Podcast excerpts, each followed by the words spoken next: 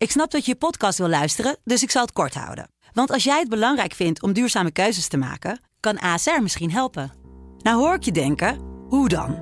Nou, bijvoorbeeld bij het duurzaam herstellen van schade. Of de premies die we beleggen volgens ons duurzaam beleggingsbeleid. Dat bepaalt waar we wel en juist niet in investeren.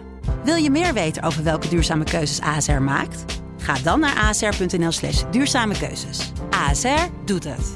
Zo, dan kan je nu lekker naar je podcast luisteren. The 46th President of the United States. Joseph Robinette Biden Jr. This is the time to heal in America. Dit is Uncle Joe, een blik op de VS. Een telegraafpodcast over de Amerikaanse politiek. Met de opname van woensdag 10 februari, de dag dat uh, het impeachmentproces tegen uh, voormalig president Donald Trump daadwerkelijk begint in de Senaat. Gisteren hebben we al een stemming gehad over de grondwettelijkheid van dat hele proces. En Frank, daar was iets opmerkelijks aan. Ja, meneer Cassidy is overgestapt. Die houdt een betoog dat hij zegt: luister, ik heb vanaf het begin af aan gezegd, ik sta hier met open vizier. Ik ga naar de argumenten luisteren. En die is, heeft gezegd van, nou ja, de advocaten van Trump en dan uh, meneer... Uh, Castor in het bijzonder. Castor, ik wou zeggen Castro, maar uh, die kon ook erg lang praten. Ja. soms onduidelijk zijn. Maar goed, meneer Castor, die hield een heel warrig betoog. En ik moet zeggen, ik ben het met hem eens. Ik heb er ook even een tijdje naar gekeken en ik dacht, waar gaat die man heen? Senators of the United States, they're not ordinary people. on the thing you put the needle down on and you play it. I worked in this building 40 years ago. I got lost then, and I still do. I represent the great state of fill in the blank. En iedere keer zat ik te wachten wanneer de point kwam en die kwam er maar niet. En de enige juiste opmerking, althans de enige opmerking waarvan ik vond dat die houtsnijd was, dat hij zei: Ja, jongens, doen, laten we elkaar nou uh, niet voor de gek houden. De enige reden dat dit proces er is, is omdat de Democraten nooit meer een kandidaat Trump tegenover zich willen hebben. Mm -hmm. En toen dacht ik, daar heeft u een punt. I mean, let's understand why we are really here. We are really here because the majority in the House of Representatives does not want to face Donald Trump as a political rival in the future.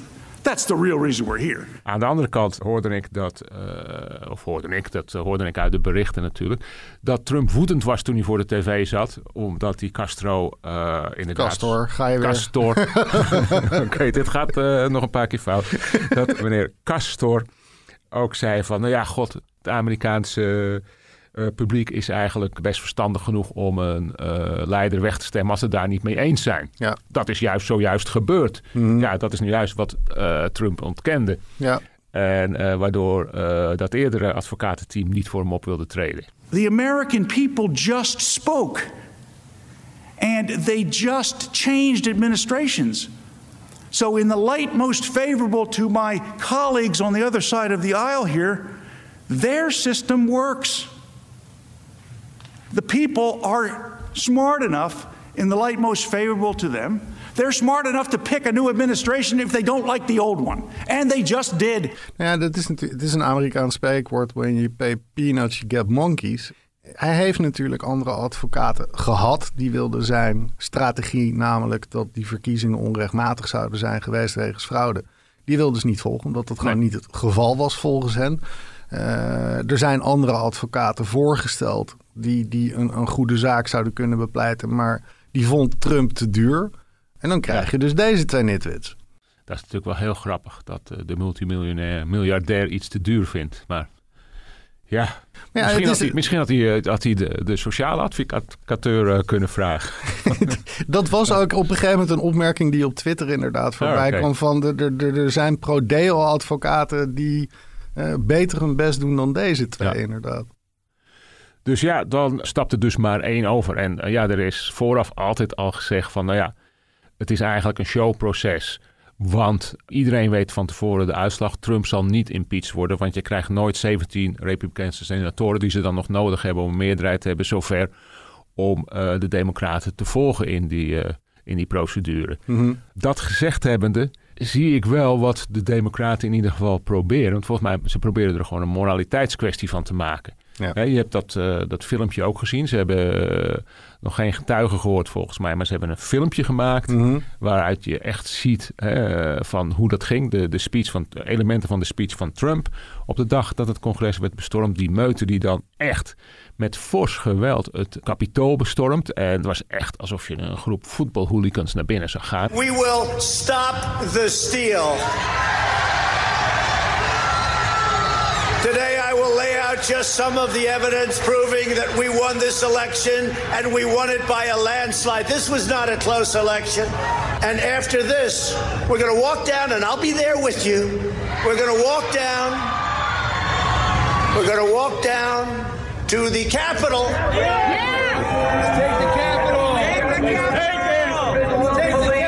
Ik vond het eigenlijk nog meer binnenkomen nu dan eerder. Dat kan zijn omdat ze natuurlijk...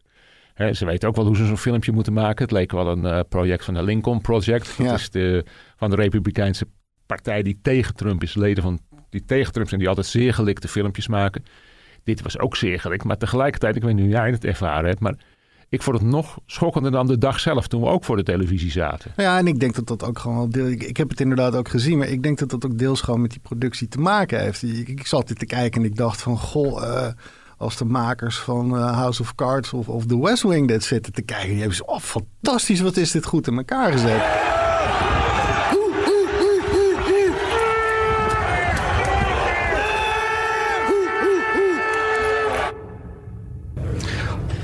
Madam, uh, uh, Mr. Speaker, can I have order in the chamber?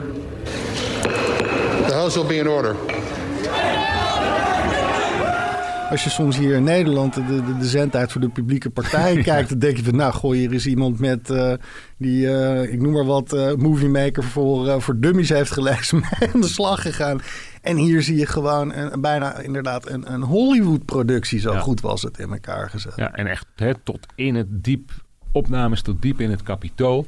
Ja, het was gewoon e- echt eh, spannend. Je zag zelfs hoe die ene betoger werd doodgeschoten. Mhm. En ja, de- ook heel schokkend natuurlijk. Ja, en dat is natuurlijk ook iets waar, waar die, die impeachment managers gisteren ook weer op hamerden. En waar we de komende dagen denk ik ook alweer uh, herhaaldelijk mee geconfronteerd zullen worden. Het is natuurlijk wel zo. Er zijn vijf doden gevallen. Er zijn bijna 150 uh, agenten van het kapitool gewond tot zwaar gewond geraakt. Het is niet zomaar een uit de hand gelopen demonstratie geweest. Dus op zich hebben de, de, de Democraten natuurlijk een punt dat ze hier een punt van maken. Ja, en wat je natuurlijk sommige Republikeinen hoort zeggen van ja, hè, free speech en uh, je mag zeggen wat je wilt. Maar ja, dit was toch in mijn ogen wel opruiming. En dan wordt er gezegd, ja, maar later heeft hij gezegd... jongens, even rustig aan en even dimmen en zo. Maar dat werd Met wel... daarbij I love you en jullie zijn patriotten. Dat wou ik net zeggen. Ja. En het is dus denk ik echt zo geweest... dat uh, men een beetje door het oog van de naald is gegaan. Je had Matte toch niet aan moeten denken dat daar een... Uh, verdwaalde senator nog in die gang loopt... die even naar het toilet was geweest. Mm -hmm. En uh, zo in die, in die meute terechtkomt. Nou, vicepresident uh, ja. Mike Pence zelf, ja, die, die werd, er natuurlijk ook was op dat ja, moment. En die, die dan was, die daar ook, je ze schreeuwen, traitor, traitor. Mhm. Mm -hmm. Pence is een traitor, een verrader. Wat heeft die man gedaan? Die heeft vier jaar lang Trump bijna als een dode diender gediend. Ik bedoel, er is, er is geen onvertogen woord uh, bij die man uh, gevallen. Mhm. Mm -hmm. En die heeft alleen gezegd, ja jongens, tot hier en niet verder. Ik ga niet zeggen, want dat mag niet volgens de grondwet... dat de verkiezingen gestolen zijn toen uh, in, het Sena in de Senaat. Ja, dan denk ik, en als dat dat zo snel kan omslaan, weet mm -hmm. je wel... Zodra dat Trump zei van ja, jongens, jullie moeten, wat zei? Je moet, je moet Pence een beetje moeten inpraten of zo. Mhm. Mm -hmm. Of uh, op het juiste pad trekken. Ja. En als dat dan zo'n effect heeft, dan denk ik ja, dan begrijp ik wel het punt van de Democraten. Dat ze zeggen, ja, zo'n man zou eigenlijk ongeschikt moeten zijn voor de politiek. En dan moeten we dan de politiek tegen beschermen. Nou ja, en het heeft hen natuurlijk ook persoonlijk geraakt. Omdat er zat inderdaad zo'n bestormer achter het bureau van bijvoorbeeld mevrouw Pelosi... Ja. die een nogal dreigend briefje heeft achtergelaten. Alexander Ocasio-Cortez die roept al continu sinds 6 januari van... jongens, het, ik heb dit maar net overleefd. En dan krijgen ze van de republikeinse kant kritiek van... je moet niet zo moeilijk doen. Ja. Tegelijkertijd, als ik in haar schoenen ga staan... kan ik me wel een beetje voorstellen dat zij pislink is. Want het, het had heel anders voor haar kunnen uitpakken ja. natuurlijk. Ja, en dat brengt ons denk ik weer toch bij ja, een soort... Is, is, is de Republikeinse partij nu de Trump-partij? Is, is de partij moreel failliet? Ik bedoel, het is toch schokkend dat, tenminste in mijn optiek is het schokkend dat niemand nog echt duidt, of bijna niemand echt duidelijk afstand probeert te nemen. een aantal kopstukken proberen dat. Mitch McConnell, Liz Cheney, de dochter van de voormalige Republikeinse vicepresident. En ja, die krijgen dan bijna weer doodsbedreiging. En dan zegt Donald Trump Jr. zegt, nou, ik ga het wel tegen Liz opnemen als ze voor herverkiezingen staat. Mhm. Weet je wel, dat is de enemy. En dan denk ik, ja jongens, dat, dat is een partijgenoot. Ja, en dat is natuurlijk ook wel het conundrum waar de Republikeinse Partij nu in zit. Ehm, op het moment dat je nog heel lang hiermee aan de gang gaat. En dat is natuurlijk ook een belangrijke reden. Jan Posma, onze correspondent, die, die, die schrijft dat ook al, heeft dat ook al een paar keer geschreven. Hoe langer ze met deze zaak bezig zijn, hoe meer waarde ze hechten aan Trump. Hoe sneller dit voorbij is, hoe sneller ze Trump ook daadwerkelijk achter zich kunnen laten. En met Trump dan ook zijn familie en aanhangers. Ja, en dat is eigenlijk wat beide partijen willen. Hè? Ja. Die willen, en daarom gaat het ook zo kort duren. Is Nou ja, voor de. Democraten is het dan vooral zo dat Biden echt aan de slag kan. Ja. En dat hij niet dit als Nee, een soort ja. sideshow er nog naast heeft, inderdaad. Ja, maar je merkt het nu eigenlijk al. Van wanneer veert de interesse in Amerika weer op? Zodra het om Trump draait. Het is Mhm. onvoorstelbaar. De man Ja. is een, een magneet wat dat betreft. En een impeachment is natuurlijk niet niks. Maar ja, normaal, bij na een machtswisseling gaat alle aandacht uit van wat doet de nieuwe president. Ja. En ja, die is als, wel eh, hartstikke hard aan het werk. En eh, opvallend genoeg hoor ik niemand meer klagen over zijn fitheid en of hij wel geestelijk helemaal in orde is. Kennelijk is dat eh, issue nu voorbij. Maar ja, het, het, het blijft fascinerend, denk ik, om te zien hoe Trump. Hè, het komt natuurlijk door die impeachment, maar die aandacht blijft vasthouden. Ja. En het blijft ook inderdaad interessant. Want eh, toen ik zag dat de Washington Post vandaag een groot artikel had geschreven over hoe gaat het nu eigenlijk met Trump? Wat, wat, wat heeft hij gedaan sinds de inauguratie? Dan klik ik daar nog sneller op dan, dan, dan de samenvatting van eh, wat er gisteren eh, eh, met die stemming over de grondwettelijkheid van die hele procedure Ja. is gedaan. Het was overigens een heel interessant stuk. Je had het er al over van, van normaal hoor je niet zoveel meer van een, een, een president nadat hij weg is gegaan. In dit geval heeft dat, hadden we dat niet meteen verwacht van Trump. Tegelijkertijd kan hij ook niet meer van zich laten horen, omdat hij natuurlijk zijn Twitter-account kwijt is geraakt. Eh, sociale media kan hij niet meer op om van zich te laten horen. Als er een voormalige president is van wie we hadden verwacht dat hij zich zou laten gelden na zijn vertrek uit het Witte Huis, dan was dat Trump. Maar hij heeft die mogelijkheid nu gewoon niet. Dus wat hij dus nu vooral doet, is, is, is het nieuws rond hemzelf volgen. Hij schijnt, wat jij inderdaad net ook al zei, wat Jan vanochtend ook al schreef, briesend voor de televisie hebben gezitten kijken naar eh, eh, die procedure van gisteren. Tegelijkertijd, het is wel iemand die als hij maar met zijn vingers knipt, een, een, een camerateam van Fox of OAN of, Ja. of voor mijn part zelfs NBC eh, aan de drempel van Mar-a-Lago kan krijgen. Eh, dus het, het- feit dat hij zijn Twitter kwijt is, geeft nog niet meteen aan dat hij zijn stem kwijt is natuurlijk. Nee, maar je merkt wel dat hij zoekende is. Mhm. En hij is waarschijnlijk ook zijn tactiek aan het bepalen. Van ja, kan ik nog op de Republikeinse partij rekenen? Dat hangt natuurlijk heel veel vanaf van, van dit proces. Of eh, ga ik eh, het solo proberen volgende keer? Of moet ik maar helemaal uit de politiek en moet ik me maar weer op de showbusiness eh, richten of op een tv-station? Mhm. Dus er zijn nog mogelijkheden genoeg voor hem. Maar ik denk inderdaad dat hij. Ja, hij was zo gewend om eh, via Twitter eh, te regeren, zeg maar, of de media te bespelen. Mhm. Dat hij nu even naar een nieuwe methode aan het zoeken is. Ja, overigens schijnt hij daar ook gewoon nog helemaal niet uit te zijn. Er, zijn een beetje twee kampen. Je hebt natuurlijk de Republikeinse partijkader die zoiets hebben van... schiet nou vooral niet op ons. Eh, laat mensen als, als Liz Cheney met rust. Ja. En richt je gewoon op de democraten.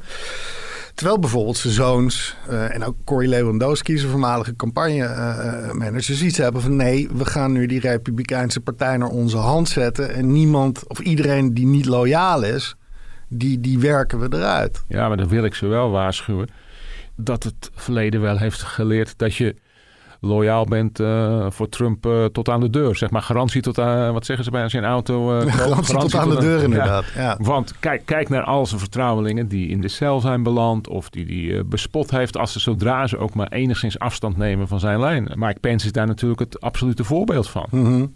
Nou ja, kijk, en het had op zich natuurlijk wel zin om Trump te steunen... als hij in ruil daarvoor jou weer steunde. Ja. Maar op het moment dat hij zich niet meer kan laten gelden op bijvoorbeeld Twitter en, en, en uh, zijn aanhangers kan oproepen om op jou te gaan stemmen. Uh, in dat opzicht is, is, als je het even vanuit uh, zijn tegenstanders beschouwt. er werd geroepen toen hij van Twitter werd gegooid van ja, veel te laat. Het had al veel eerder tijdens het presidentschap kunnen gebeuren. Tegelijkertijd blijkt dat dus wel degelijk effect te hebben. Ja. Hij is ook een hoop macht daarmee kwijtgeraakt. Ja, ben ik deels met je eens. Aan de andere kant denk ik, zodra die gaat roepen... of zodra de campagne, over twee jaar is er weer campagne voor, mm. uh, voor een deel van de Senaat... zodra hij zich dan weer achter een bepaalde kandidaat schaart... en dat zal dan een kandidaat zijn die zich niet tegen hem heeft uitgesproken... want anders doet hij het niet... Nee dan kan die mogelijk weer op een groot deel van het electoraat rekenen. Tenzij dat het hele Trump-effect afzwakt. Ja. Dus daarom denk ik dat uh, veel van die, van die Republikeinen ook nog steeds zo bang zijn om echt afstand te nemen. Mm-hmm. Want ja, die, die, mensen die denken ook aan hun zetel. Misschien uh, moreel uh, laakbaar, maar goed.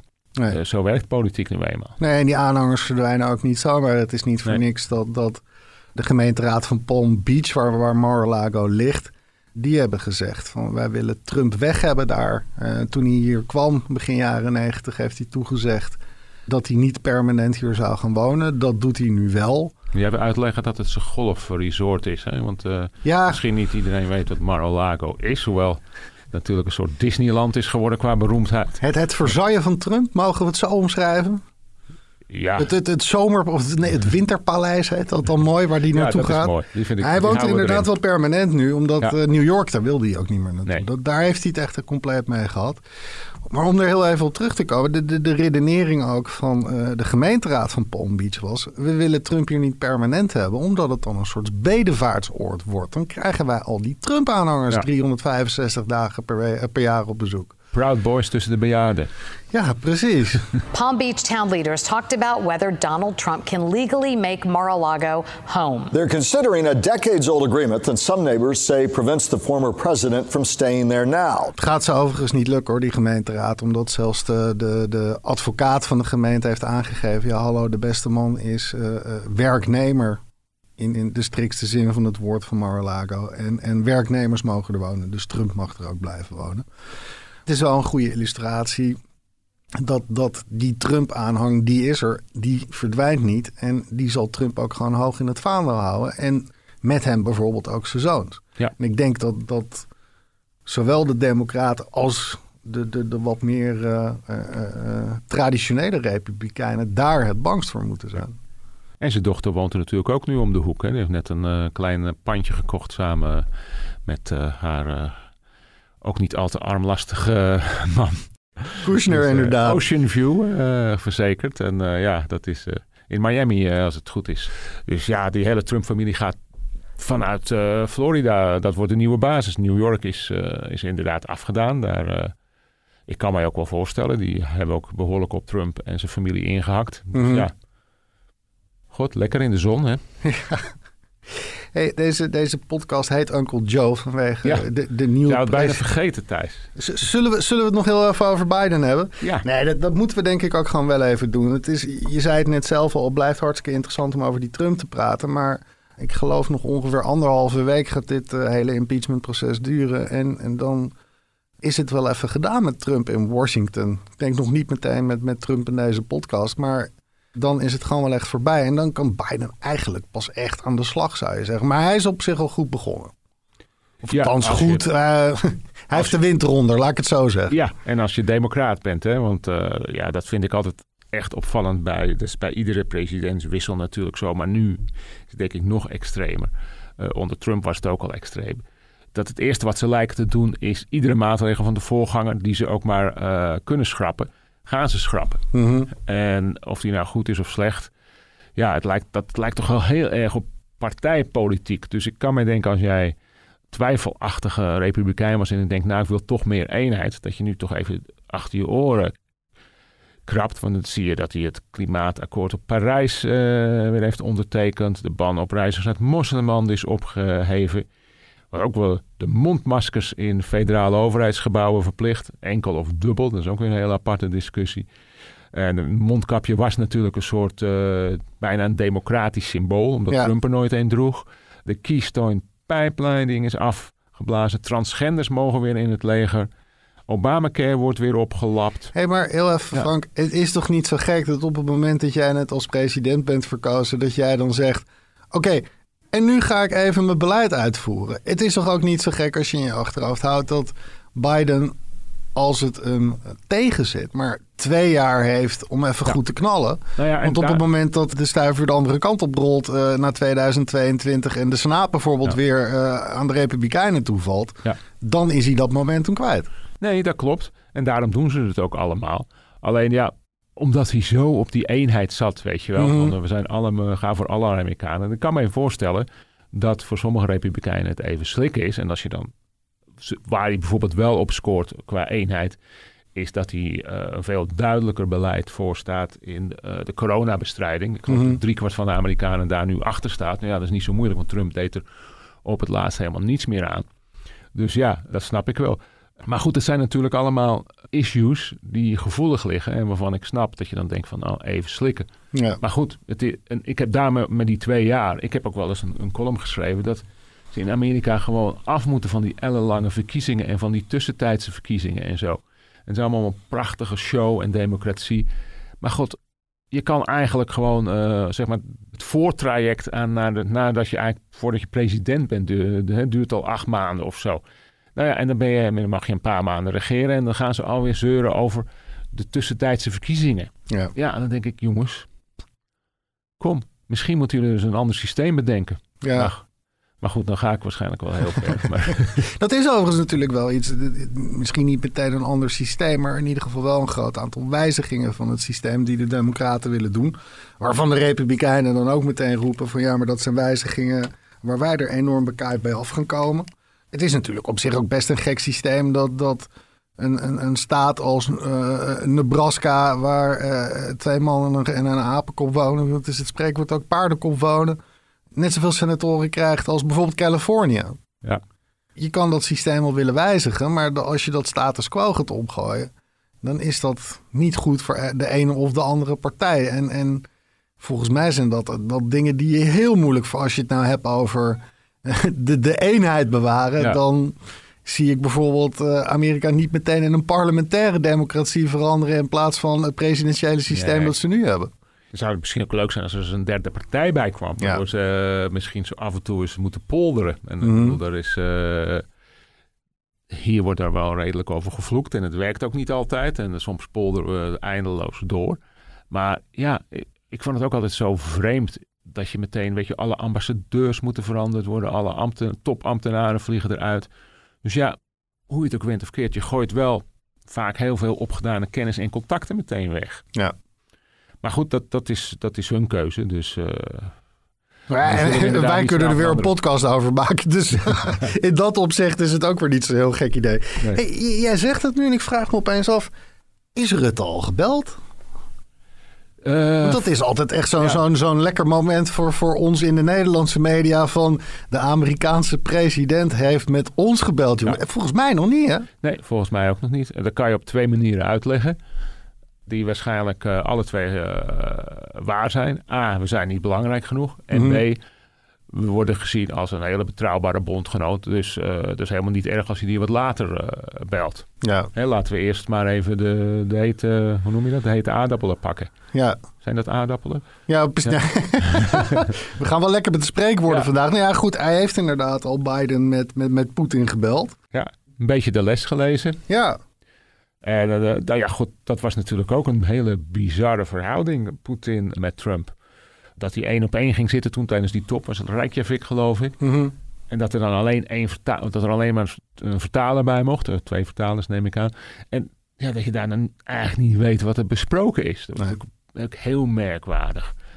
Dus eh, eh, dat er nog altijd die, iets hangt van ja, natuurlijk, Poetin was eigenlijk wel een toffe kerel volgens Trump. De ene keer, de andere keer weer niet. En Poetin bleef daar met zijn pokerface eh, rustig tussen zitten. Dus ja, dat wordt, dat wordt interessant. Wat ik ook heel interessant vind nu, uh, is natuurlijk nu uh, Iran heeft gezegd: we gaan een uh, nucleaire bom maken als jullie de sancties blijven aanhouden. Mm -hmm. Terwijl Amerika daar weer op heeft geantwoord: die sancties verdwijnen alleen op het moment dat jullie je aan het akkoord gaan halen, houden waar wij onder Trump zijn uitgestapt. Ja, en terecht natuurlijk. En, maar ik denk eerlijk gezegd dat wat dat betreft, doordat Biden zei dat al voordat hij president werd. Hè, dat hij daarvoor was. En ik denk dat het misschien toch niet zo'n handige set geweest. In de zin van, er zijn er toch wel wat dingen veranderd sinds hij uh, mede dat akkoord uh, tot stand heeft gebracht mm-hmm. hè, in het Midden-Oosten. je hebt uh, die toenadering tot Israël. Iran zit toch wel een beetje klem. En, en, en dissidenten in Iran roepen ook: jongens, ga alsjeblieft niet dat akkoord nu doen. Maar blijf druk zetten zodat er eindelijk veranderingen komen in ons land. Maar sterker nog, hij geeft Iran zelfs de ruimte in Jemen nu, als je het, uh, ja, als je zo, het zo, wil formuleren, ja. door uh, die, de, de, de steun aan uh, de Soenitische Arabische staten ja. daarin te trekken, en dan met name Saudi-Arabië. En niemand wil natuurlijk dat Iran een nucleaire bom krijgt. Israël niet, maar ook de, de, de, de Arabische landen niet. En, en ja, dan krijg je natuurlijk daar weer een race om uh, wij willen ook een A-bom hebben. Nou ja, dan weet je hoe meer er zijn, hoe meer kans op ongeluk. Ja. En nu hadden we alleen maar uh, als onvoorspelbare de, de Little Rocket Man, Kim Jong-un. En nu krijg je de Ayatollahs er misschien bij. Dus nou ja, ja, goed, Israël had op zich ook al een kernbom. Weten we niet ja. zeker, maar kunnen we nee, in principe wel vanuit gaan. Dat weten we wel zeker. Ja. Ik heb in Israël, ben correspondent geweest in Israël. En er is daar een gebied waar je met een grote boog omheen wordt geleid. dus dat is, dat is echt niet voor niks. Nee. Maar dat is, om daar nog heel even terug te komen op die Iran-koers. Hij heeft dus eigenlijk Biden een beetje zijn grootste troef uitgespeeld die die eigenlijk aan zijn borst had moeten houden.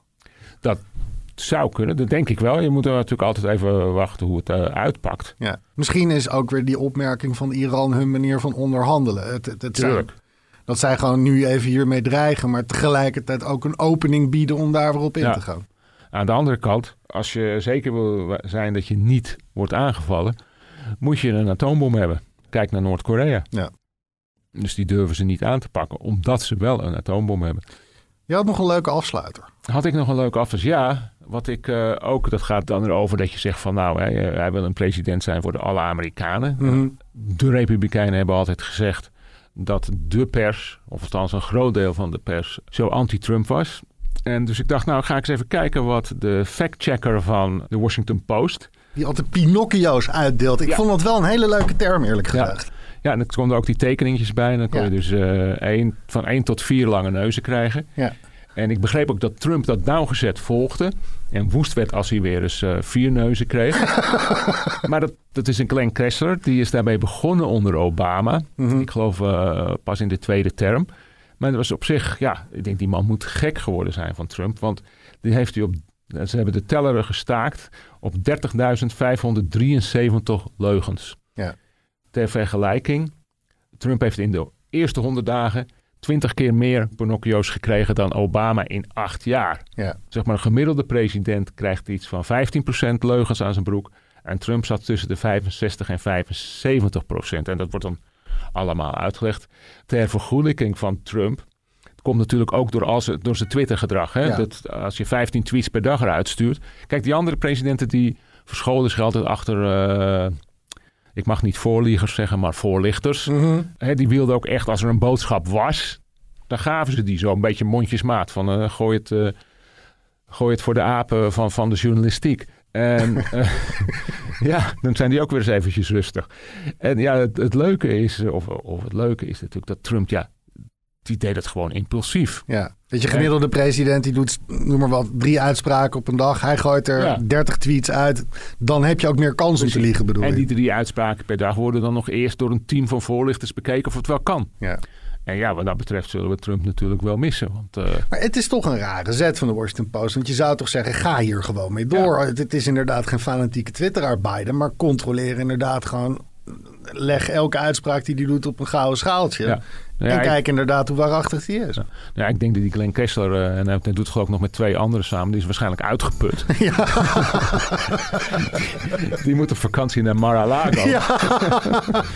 maar, maar ja, je kan er ook iemand anders op zetten natuurlijk. En al is het maar om die schijn van partijdigheid eh, weg te halen. Mhm. En eh, dat zou sowieso interessant zijn. Of je zegt, nou, ja, we doen het gewoon, eh, laten we het een jaartje doen. En als dan blijkt dat Joe Biden een keurige man is en onder die 15% blijft, dan zou ik zeggen, nou ja, dat heeft weinig zin, we stoppen ermee. Ja, maar probeer het eerst. Ja, vind ik wel.